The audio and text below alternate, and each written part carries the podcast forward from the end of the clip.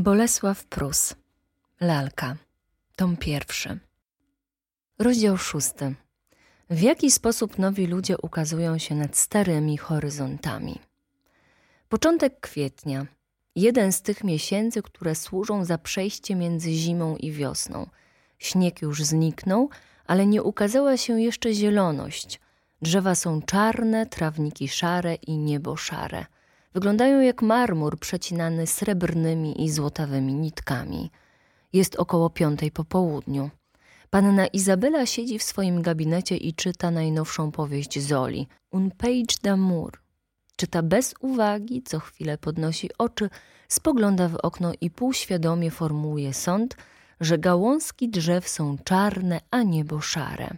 Znowu czyta, spogląda po gabinecie i półświadomie myśli, że jej meble kryte błękitną materią i jej niebieski szlafroczek mają jakiś szary odcień i że festony białej firanki są podobne do wielkich sopli śniegu. Potem zapomina, o czym myślała w tej chwili i pyta się w duchu: O czym ja myślałam? Ach, prawda, o kweście wielkotygodniowej i nagle czuje ochotę przejechania się karetą, a jednocześnie czuje żal do nieba, że jest takie szare, że złotawe żyłki na nim są tak wąskie. Dręczy ją jakiś cichy niepokój, jakieś oczekiwanie, ale nie jest pewna na co czeka. Czy na to, ażeby chmury się rozdarły, czy na to, żeby wszedł lokaj i wręczył jej list zapraszający na wielkotygodniową kwestę. Już taki krótki czas, a jej nie proszą. Znowu czyta powieść. Ten rozdział, kiedy podczas gwiaździstej nocy pan Rambaut naprawiał zepsutą lalkę małej Joasi. Helena tonęła we łzach bezprzedmiotowego żalu, a opat Żof radził, ażeby wyszła za mąż. Panna Izabela odczuwa ten żal i kto wie, czy gdyby w tej chwili ukazały się na niebie gwiazdy zamiast chmur, czy nie rozpłakałaby się tak jak Helena. Wszak to już ledwo parę dni do kwesty, a jej jeszcze nie proszą. Że zaproszą, o tym wie, ale dlaczego zwłóczą? Te kobiety, które zdają się tak gorąco szukać Boga, bywają niekiedy nieszczęśliwymi istotami, których serce wzburzyła namiętność. Idą do kościoła, ażeby tam wielbić mężczyznę, mówił opat Żów. Poczciwy opat, jak on chciał uspokoić tę biedną Helenę. Myśli panna Izabela i nagle odrzuca książkę. Opat Żow przypomniał jej, że już od dwóch miesięcy haftuje pas do kościelnego dzwonka i że go jeszcze nie skończyła. Podnosi się z fotelu i przysuwa do okna stolik z tamburkiem, z pudełkiem różnokolorowych jedwabiów z kolorowym deseniem, rozwija pas i zaczyna gorliwie wyszywać na nim róże i krzyże. Pod wpływem pracy w sercu budzi się otucha. Kto tak jak ona służy Kościołowi, nie może być zapomnianym przy wielkotygodniowej kweście. Wybiera jedwabie, nawłóczy igły i szyje wciąż. Oko jej przebiega od wzoru do haftu, ręka spada z góry na dół, wznosi się z dołu do góry – ale w myśli zaczyna rodzić się pytanie dotyczące kostiumu na groby i toalety na Wielkanoc. Pytanie to wkrótce zapełnia jej całą uwagę, zasłania oczy i zatrzymuje rękę. Suknia, kapelusz, okrywka i parasolka. Wszystko musi być nowe, a tu tak niewiele czasu i nie tylko nic nie zamówione, ale nawet nie wybrane. Tu przypomina sobie, że jej serwis i srebra już znajdują się u jubilera, że już trafia się jakiś nabywca i że dziś lub jutro będą sprzedane. Panna Izabela czuje ściśnięcie serca za serwisem i srebrami, lecz doznaje niejakiej ulgi na myśl o kweście i nowej toalecie. Może mieć bardzo piękną, ale jaką? Odsuwa tamburek i ze stolika, na którym leżą Szekspir, Dante, album europejskich znakomitości, tudzież kilka pism, bierze Le Montier de la Mode i zaczyna go przeglądać z największą uwagą. Oto jest toaleta obiadowa, oto ubiory wiosenne dla panienek, panien, mężatek, młodych mężatek i ich matek.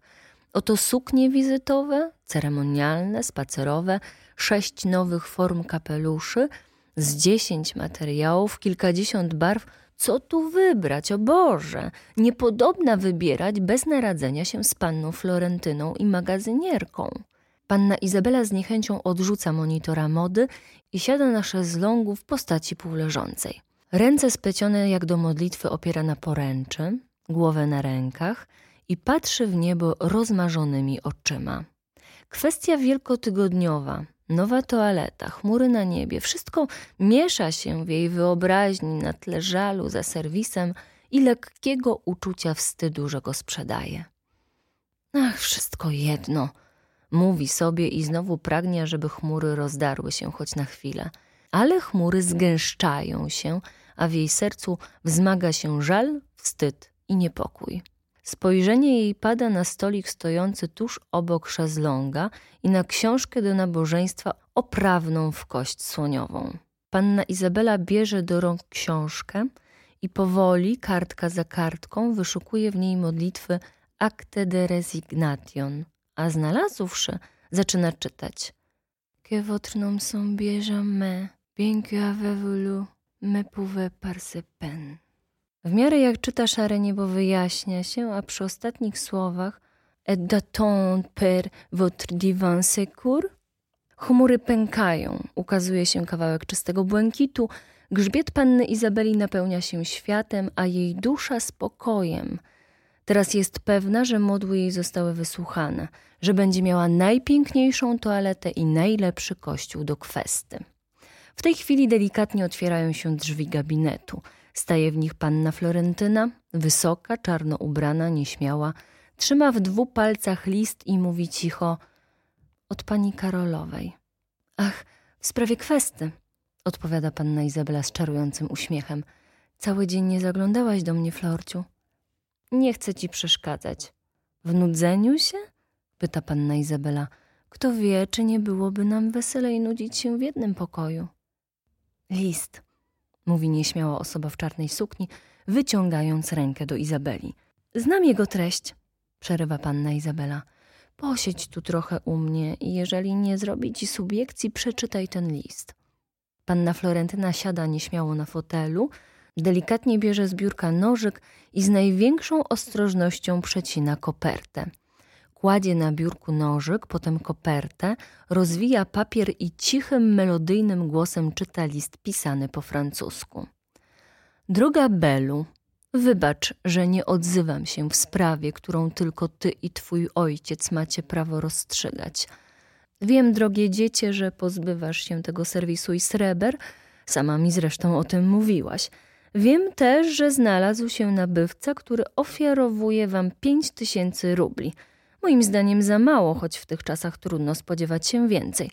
Po rozmowie jednak, jaką miałam w tej materii z Krzeszowską, zaczynam lękać się, ażeby piękne te pamiątki nie przeszły w niewłaściwe ręce. Chciałabym temu zapobiec, proponuję ci więc, jeżeli zgodzisz się, trzy tysiące rubli pożyczki na zastaw wspomnianego serwisu i sreber.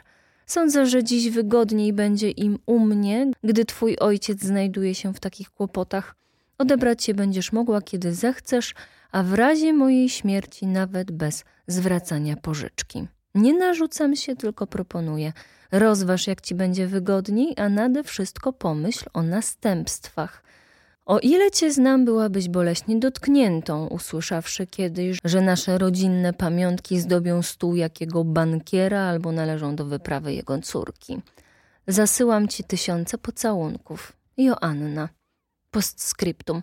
Wyobraź sobie, co za szczęście spotkało moją ochronkę. Będąc wczoraj w sklepie tego sławnego Wokulskiego, przymówiłam się o mały datek dla sierot. Liczyłam na jakie kilkanaście rubli, a on, czy uwierzysz, ofiarował mi tysiąc. Wyraźnie tysiąc rubli i jeszcze powiedział, że na moje ręce nie śmiałby złożyć mniejszej sumy – kilku takich wokulskich, a czuję, że na starość zostałabym demokratką. Panna Florentyna, skończywszy list, nie śmiała oderwać od niego oczu.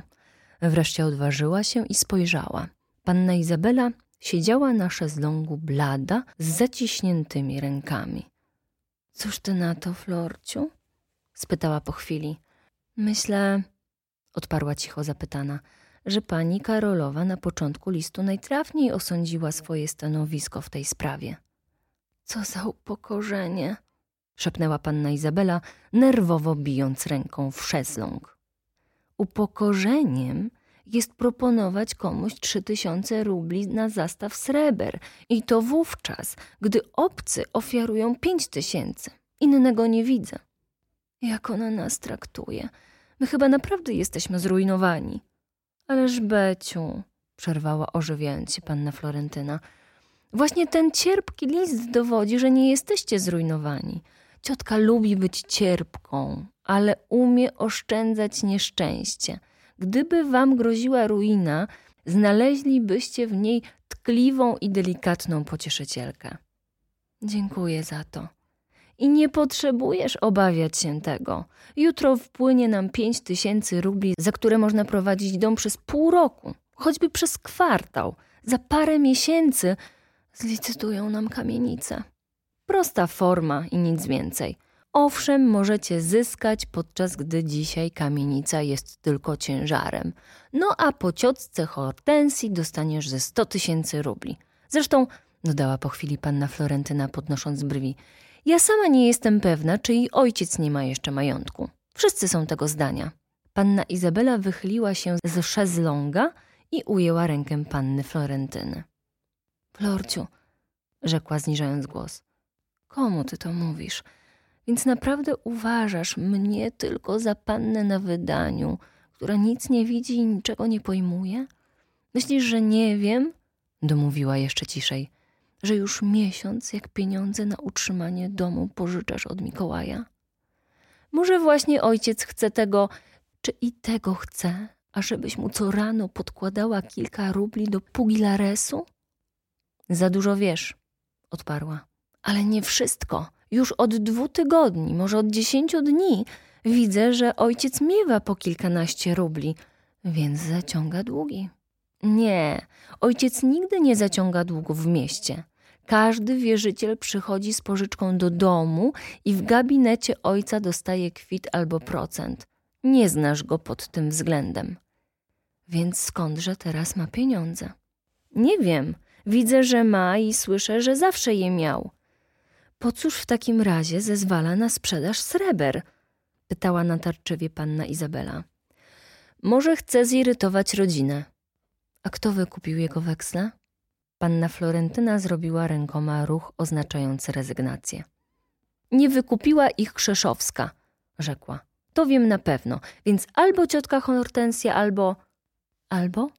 Albo sam ojciec. Czy nie wiesz, ile rzeczy robi ojciec, ażeby zaniepokoić rodzinę, a potem śmiać się? Za cóż chciałby mnie, nas niepokoić? Myśli, że ty jesteś spokojna. Córka powinna nieograniczenie ufać ojcu. Ach tak, szepnęła panna Izabela, zamyślając się. Czarno ubrana kuzynka zwolna podniosła się z fotelu i cicho wyszła. Panna Izabela znowu poczęła patrzeć na swój pokój, który wydał się jej popielatym, na czarne gałązki, które chwiały się za oknem, na parę wróbli świergoczących może o budowie gniazda, na niebo, które stało się jednolicie szarym, bez żadnej jaśniejszej prążki. W jej pamięci znowu odżyła sprawa kwesty i nowej toalety, ale obie wydały się tak małymi, tak prawie śmiesznymi, że myśląc o nich nieznacznie wzruszyła ramionami. Dręczyły ją inne pytania. Czy by nie oddać serwisu hrabinie Karolowej i skąd ojciec ma pieniądze? Jeżeli miał je dawniej, dlaczego pozwolił na zaciąganie długów u Mikołaja? A jeżeli nie miał, z jakiego źródła czerpie je dziś? Jeżeli ona odda serwis i srebra ciotce, może stracić okazję do korzystnego pozbycia się ich, a jeżeli sprzeda za pięć tysięcy, pamiątki te naprawdę mogą dostać się w niewłaściwe ręce, jak pisała hrabina. Nagle przerwał się ten bieg myśli. Bystre jej ucho usłyszało w dalszych pokojach szmer. Było to męskie stąpanie, miarowe, spokojne. W salonie stłumił jej nieco dywan, w pokoju jadalnym wzmocniło się, w jej sypialni przycichło, jakby ktoś szedł na palcach. Proszę, papo, odezwała się panna Izabela, usłyszawszy pukanie do swych drzwi. Wszedł pan Tomasz. Ona podniosła się z szezlonga, ale ojciec nie pozwolił na to. Objął ją w ramiona, ucałował w głowę i zanim usiadł przy niej, rzucił okiem w duże lustro na ścianie. Zobaczył tam swoją piękną twarz, siwe wąsy, swój ciemny żakiet bez zarzutu, gładkie spodnie, jakby dopiero co wyszło od krawca i uznał, że wszystko jest dobrze. Słyszę, rzekł do córki uśmiechając się, że panienka odbiera korespondencje, które jej psują humor. Ach, papo, gdybyś wiedział, jakim tonem przemawia ciotka. Zapewne tonem osoby chorej na nerwy. Za to nie możesz mieć do niej żalu. Gdyby tylko żal. Ja boję się, że ona ma rację i że nasze srebra mogą naprawdę znaleźć się na jakim bankierskim stole. Przytuliła głowę do ramienia ojca. Pan Tomasz spojrzał niechcący w lusterko na stoliku i przyznał w duchu, że oboje w tej chwili tworzą bardzo piękną grupę. Szczególnie dobrze odbijała obawa rozlana na twarzy córki od jego spokoju. Uśmiechnął się. Bankierskie stoły, powtórzył.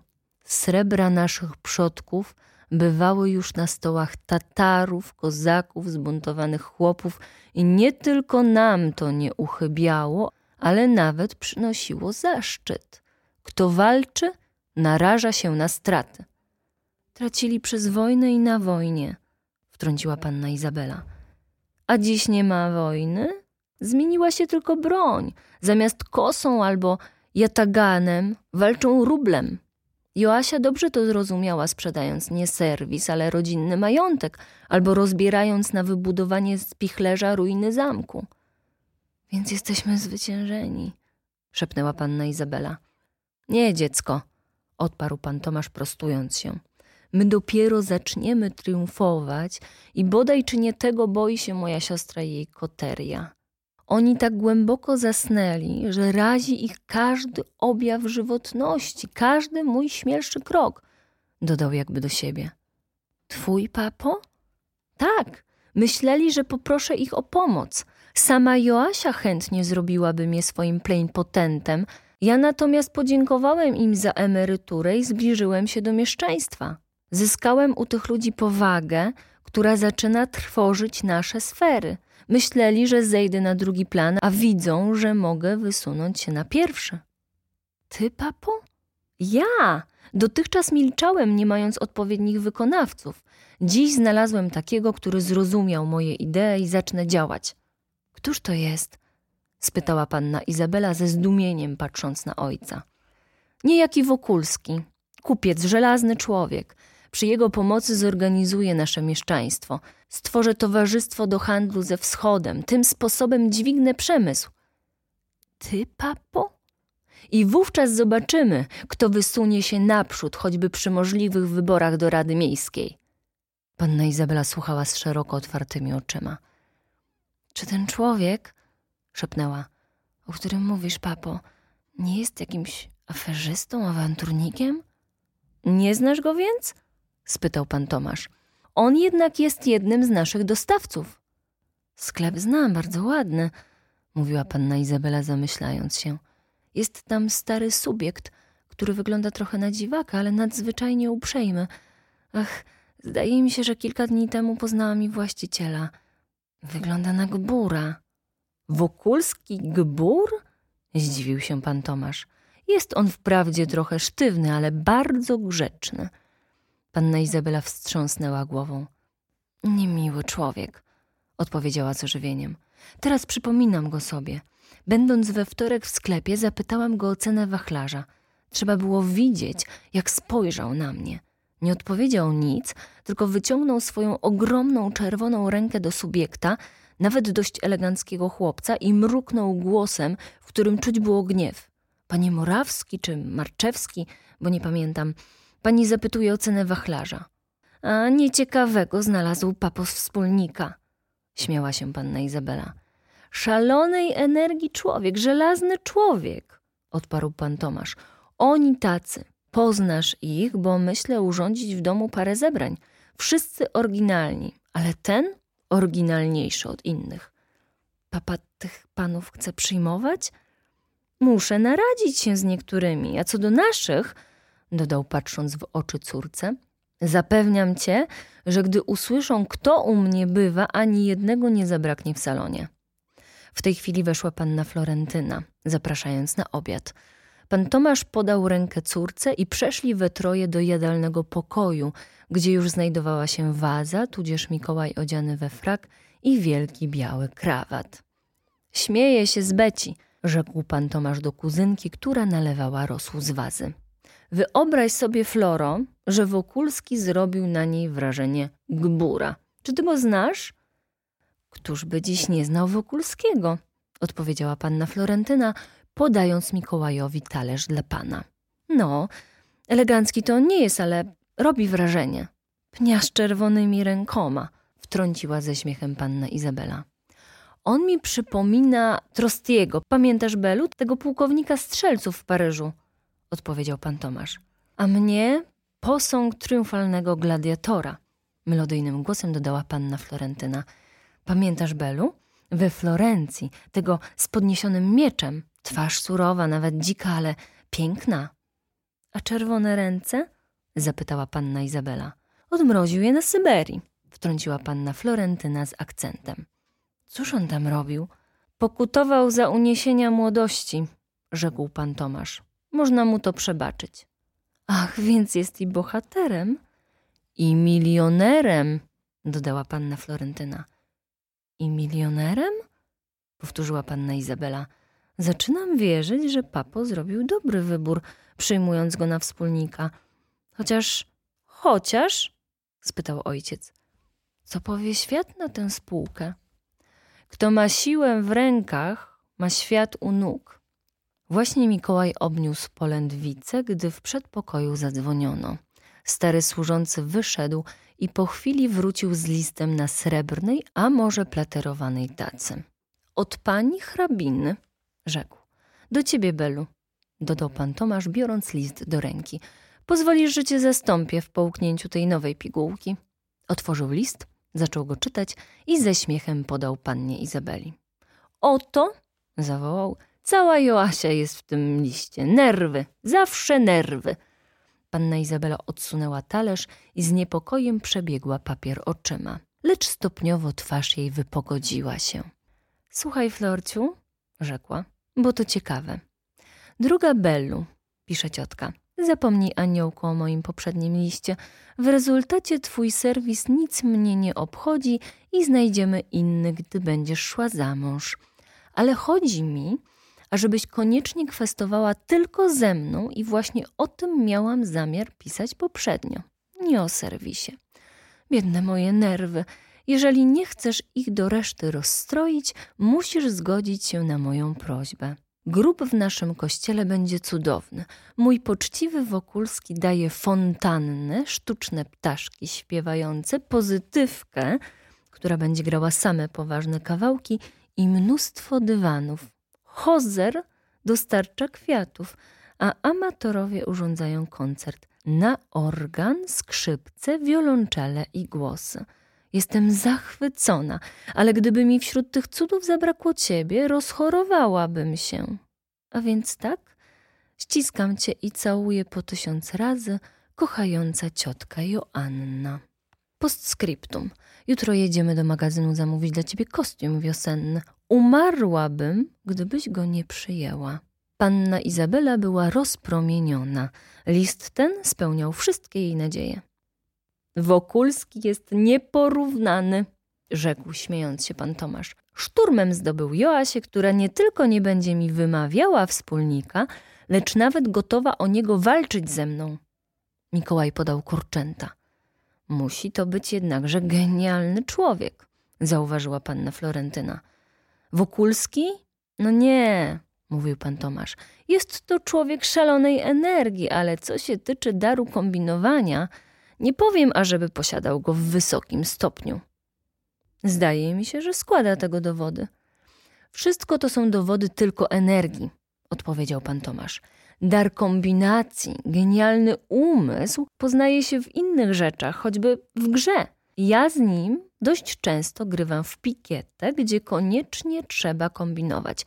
Rezultat jest taki, że przegrałem 8 do 10 rubli, a wygrałem około 70, chociaż nie mam pretensji do geniuszu, dodał skromnie. Pannie Izabeli wypadł z ręki widelec. Pobladła i chwyciwszy się za czoło szepnęła Ach, ach. Ojciec i panna Florentyna zerwali się z krzeseł. Co ci jest, Belu? Spytał zatrwożony pan Tomasz. Nic, odpowiedziała wstając od stołu. Migrena, od godziny czułam, że będę ją mieć. To nic, papo. Pocałowała ojca w rękę i wyszła do swego pokoju. Nagła migrena powinna by przejść zaraz, rzekł pan Tomasz. Pójdź do niej, Florciu. Ja na chwilę wyjdę do miasta, bo muszę zobaczyć się z kilkoma osobami, ale wcześniej wrócę. Tymczasem czuwaj nad nią, kochana Florciu. Proszę cię o to, mówił pan Tomasz ze spokojną fizjognomią człowieka, bez którego poleceń albo prośby nie może być dobrze na świecie. Zaraz do niej pójdę, tylko tu zrobię porządek, odpowiedziała panna Florentyna, dla której ład w domu był sprawą ważniejszą od czyjejkolwiek migreny. Już mrok ogarnął ziemię. Panna Izabela jest znowu sama w swoim gabinecie. Upadła na szezlong i obu rękami zasłoniła oczy. Spod kaskady tkanin spływających aż na podłogę wysunął się jej wąski pantofelek i kawałek pończoszki. Ale tego nikt nie widzi, ani ona o tym nie myśli. W tej chwili jej duszę znowu targa gniew, żal i wstyd. Ciotka ją przeprosiła. Ona sama będzie kwestować przy najładniejszym grobie i będzie miała najpiękniejszy kostium. Lecz mimo to jest nieszczęśliwą. Doznaje takich uczuć, jak gdyby wszedłszy do pełnego salonu, ujrzała nagle na swym nowym kostiumie ogromną, tłustą plamę obrzydłej formy i koloru, jakby suknię wytarzano gdzieś na kuchennych schodach. Myśl o tym jest dla niej tak wstrętna, że ślina napływa jej do ust. Cóż za straszne położenie. Już miesiąc zadłużają się u swego lokaja, a od dziesięciu dni jej ojciec na swoje drobne wydatki wygrywa pieniądze w karty. Wygrać można. Panowie wygrywają tysiące, ale nie na opędzenie pierwszych potrzeb i przecież nie od kupców. Ach, gdyby można, upadłaby ojcu do nóg i błagała go, ażeby nie grywał z tymi ludźmi, a przynajmniej nie teraz, gdy ich stan majątkowy jest tak ciężki. Za kilka dni, gdy odbierze pieniądze za serwis, sama wręczy ojcu paręset rubli, prosząc, ażeby je przegrał do tego pana Wokulskiego, ażeby wynagrodził go hojniej, niż ona wynagrodzi Mikołaja za zaciągnięte długi. Ale czyż jej wypada robić to, a nawet mówić o tym ojcu? Wokulski? Wokulski? szepcze panna Izabela. Któż to jest ten Wokulski, który dziś tak nagle ukazał się jej od razu z kilku stron pod rozmaitymi postaciami? Co on ma do czynienia z jej ciotką, z ojcem? I otóż zdaje się jej, że już od kilku tygodni coś słyszała o tym człowieku. Jakiś kupiec niedawno ofiarował parę tysięcy rubli na dobroczynność – ale nie była pewna, czy to był handlujący strojami damskimi czy futrami. Potem mówiono, że także jakiś kupiec podczas wojny bułgarskiej dorobił się wielkiego majątku. Tylko nie uważała, czy dorobił się szewc, u którego ona bierze buciki, czy jej fryzjer. I dopiero teraz przypomniała sobie, że ten kupiec, który dał pieniądze na dobroczynność i ten, który zyskał duży majątek, są jedną osobą – że to właśnie jest ów Wokulski, który do jej ojca przegrywa w karty, a którego jej ciotka, znana z dumy hrabina Karolowa, nazywa mój poczciwy Wokulski. W tej chwili przypomina sobie nawet fizjognomię tego człowieka, który w sklepie nie chciał z nią mówić, tylko cofnąwszy się za ogromne japońskie wazony, przypatrywał się jej posępnie. Jak on na nią patrzył! Jednego dnia weszła z panną Florentyną na czekoladę do cukierni, przez figle. Usiadły przy oknie, za którym zebrało się kilkoro obdartych dzieci. Dzieci spoglądały na nią, na czekoladę i na ciastka z ciekawością i łakomstwem głodnych zwierzątek, a ten kupiec tak samo na nią patrzył. Lekki dreszcz przebiegł pannę Izabelę. I to ma być wspólnik jej ojca? Do czego ten wspólnik? Skąd jej ojcu przyszło do głowy zawiązywać jakieś towarzystwa handlowe, tworzyć jakieś rozległe plany, o których nigdy dawniej nie marzył? Chce przy pomocy mieszczaństwa wysunąć się na czoło arystokracji. Chce zostać wybranym do Rady Miejskiej, której nie było i nie ma? Ależ ten Wokulski to naprawdę jakiś aferzysta, może oszust, który potrzebuje głośnego nazwiska na szyld do swoich przedsiębiorstw. Bywały takie wypadki. Ileż pięknych nazwisk szlachty niemieckiej i węgierskiej unurzało się w operacjach handlowych, których ona nawet nie rozumie, a ojciec chyba nie więcej. Zrobiło się już zupełnie ciemno. Na ulicy zapalono latarnie, których blask wpadał do gabinetu panny Izabeli, malując na suficie ramę okna i zwoje firanki. Wyglądało to jak krzyż na tle jasności, którą powoli zasłania gęsty obłok. Gdzie to ja widziałam taki krzyż? Taką chmurę i jasność?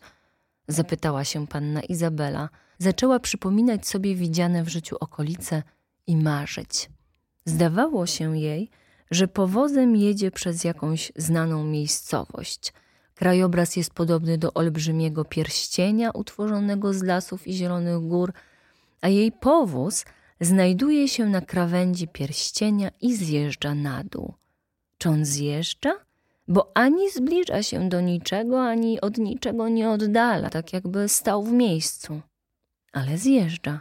Widać to po wizerunku słońca, które odbija się w lakierowanym skrzydle powozu i drgając, zwolna posuwa się w tył. Zresztą słychać turkot. To turkot dorożki na ulicy? Nie, to turkoczą machiny pracujące gdzieś w głębi owego pierścienia gór i lasów. Widać tam nawet na dole jakby jezioro czarnych dymów i białych par ujęte w ramę zieloności. Teraz panna Izabela spostrzega ojca, który siedzi przy niej i z uwagą ogląda sobie paznokcie, od czasu do czasu rzucając okiem na krajobraz. Powóz ciągle stoi na krawędzi pierścienia, niby bez ruchu, a tylko wizerunek słońca odbitego w lakierowanym skrzydle wolno posuwa się ku tyłowi. Ten pozorny spoczynek, czy też utajony ruch w wysokim stopniu drażni pannę Izabelę. Czy my Jedziemy czy stoimy? pyta ojca. Ale ojciec nie odpowiada nic, jakby jej nie widział. Ogląda swoje piękne paznokcie i czasami rzuca okiem na okolice. Wtem powóz ciągle drży i słychać turkot. Z głębi jeziora czarnych dymów i białych par wynurza się do półfigury jakiś człowiek. Ma krótko ostrzyżone włosy, śniadą twarz, która przypomina Trostiego, pułkownika strzelców – a może gladiatora z Florencji i ogromne czerwone dłonie. Odziany jest w zasmoloną koszulę z rękawami zawiniętymi wyżej łokcia. W lewej ręce, tuż przy piersi, trzyma karty ułożone w wachlarz. Prawej, którą podnosi na głowę, trzyma jedną kartę, widocznie w tym celu, aby ją rzucić naprzód siedzenia powozu. Reszty postaci nie widać spośród dymu. Co on robi, ojcze? pyta się zalękniona panna Izabela. Gra ze mną w piketę, odpowiada ojciec, również trzymając w rękach karty. Ależ to straszny człowiek, papo. Nawet tacy nie robią nic złego kobietom, odpowiada pan Tomasz. Teraz dopiero panna Izabela spostrzega, że człowiek w koszuli patrzy na nią jakimś szczególnym wzrokiem, ciągle trzymając kartę nad głową. Dym i para kotłujące w dolinie Chwilami zasłaniają jego rozpiętą koszulę i surowe oblicze. Tonie wśród nich. Nie ma go. Tylko spoza dymu widać blady połysk jego oczów. Nad dymem obnażoną do łokcia rękę i kartę. Co znaczy ta karta, papo? Zapytuje ojca. Ale ojciec spokojnie patrzy we własne karty i nie powiada nic, jakby jej nie widział. Kiedyż wreszcie wyjedziemy z tego miejsca? Ale choć powóz drży i słońce odbite w skrzydle posuwa się ku tyłowi, ciągle u stopni widać jezioro dymu, a w nim zanurzonego człowieka, jego rękę nad głową i kartę. Pannę Izabelę ogarnia nerwowy niepokój. Skupia wszystkie wspomnienia, wszystkie myśli, ażeby odgadnąć, co znaczy karta, którą trzyma ten człowiek. Czy to są pieniądze, które przegrał do ojca w pikietę? Chyba nie. Może ofiara, jaką złożył Towarzystwu Dobroczynności? I to nie.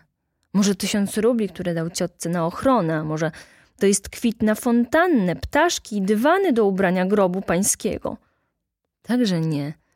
To wszystko nie niepokoiłoby jej. Stopniowo pannę Izabelę napełnia wielka bojaźń. Może to są weksle jej ojca, które ktoś niedawno wykupił. W takim razie, wziąwszy pieniądze za srebra i serwis, spłaci ten dług najpierwej i uwolni się od podobnego wierzyciela. Ale człowiek pogrążony w dymie wciąż patrzy jej w oczy i karty nie rzuca, więc może. Ach. Panna Izabela zrywa się z szezlonga, potrąca w ciemności o taburet i drżącymi rękoma dzwoni. Dzwoni już drugi raz. Nie odpowiada nikt, więc wybiega do przedpokoju i we drzwiach spotyka pannę Florentynę, która chwyta ją za rękę i mówi ze zdziwieniem: Co tobie, Beciu? Światło w przedpokoju nieco oprzytomnia pannę Izabela. Uśmiecha się. Weź, Florciu, lampę do mojego pokoju. Papa jest? Przed chwilą wyjechał. A Mikołaj? Zaraz wróci. Poszedł oddać list posłańcowi. Czy gorzej boli cię głowa? Pyta panna Florentyna. Nie, śmieje się panna Izabela. Tylko zdrzemnęłam się i tak mi się coś majaczyło. Panna Florentyna bierze lampę i obie z kuzynką idą do jej gabinetu. Panna Izabela siada na szezlongu, zasłania ręką oczy przed światłem i mówi: Wiesz, Florciu, namyśliłam się. Nie sprzedam moich sreber obcemu. Mogą naprawdę dostać się Bóg wie w jakie ręce. Siądź zaraz, jeżeliś łaskawa, przy moim biurku i napisz do ciotki, że przyjmuję jej propozycję. Niech nam pożyczy trzy tysiące rubli i niech weźmie serwis i srebra. Panna Florentyna patrzy na nią z najwyższym zdumieniem. Wreszcie odpowiada: To jest niemożliwe, Belciu.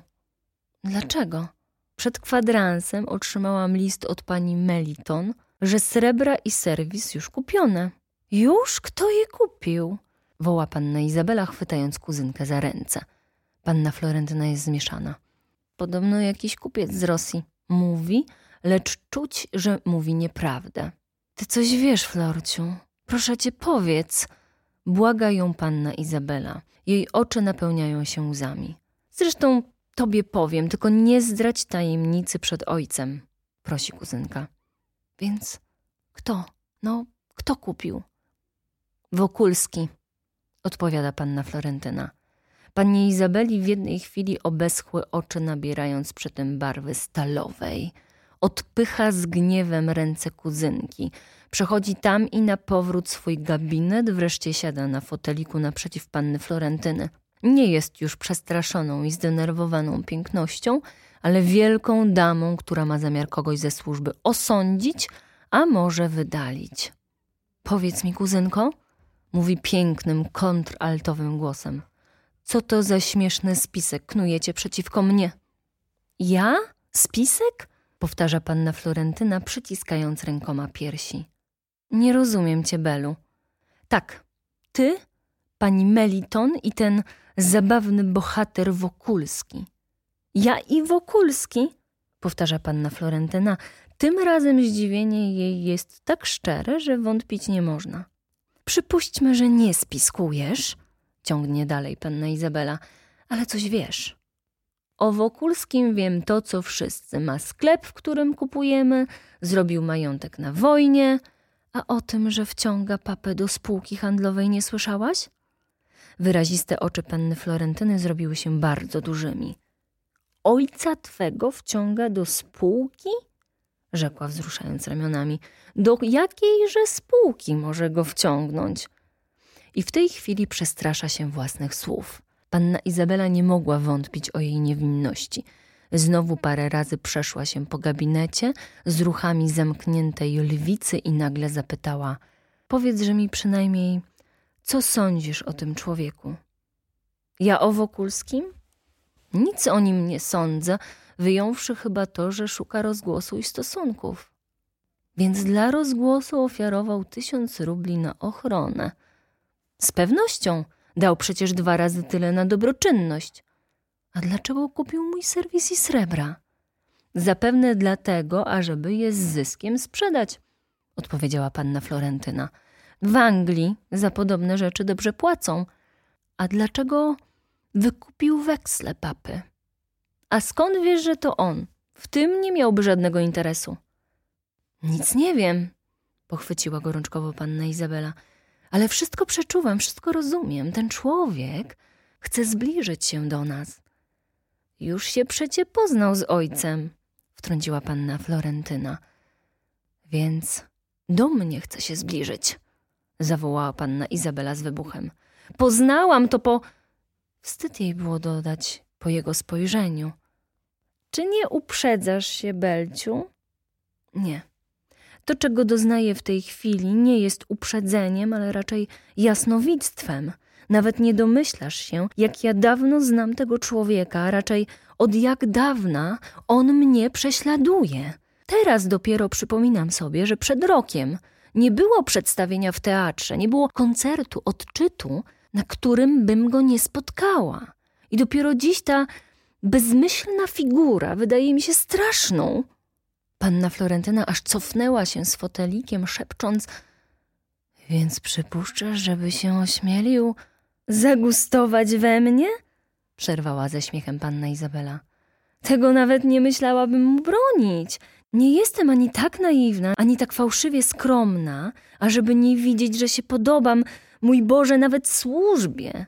Kiedyś gniewało mnie to, jak żebranina, która zastępuje nam drogę na ulicach, dzwoni do mieszkań albo pisuje listy z prośbą o wsparcie. Ale dziś tylko zrozumiałam lepiej słowa zbawcy. Komu wiele dano, od tego wiele żądać będą.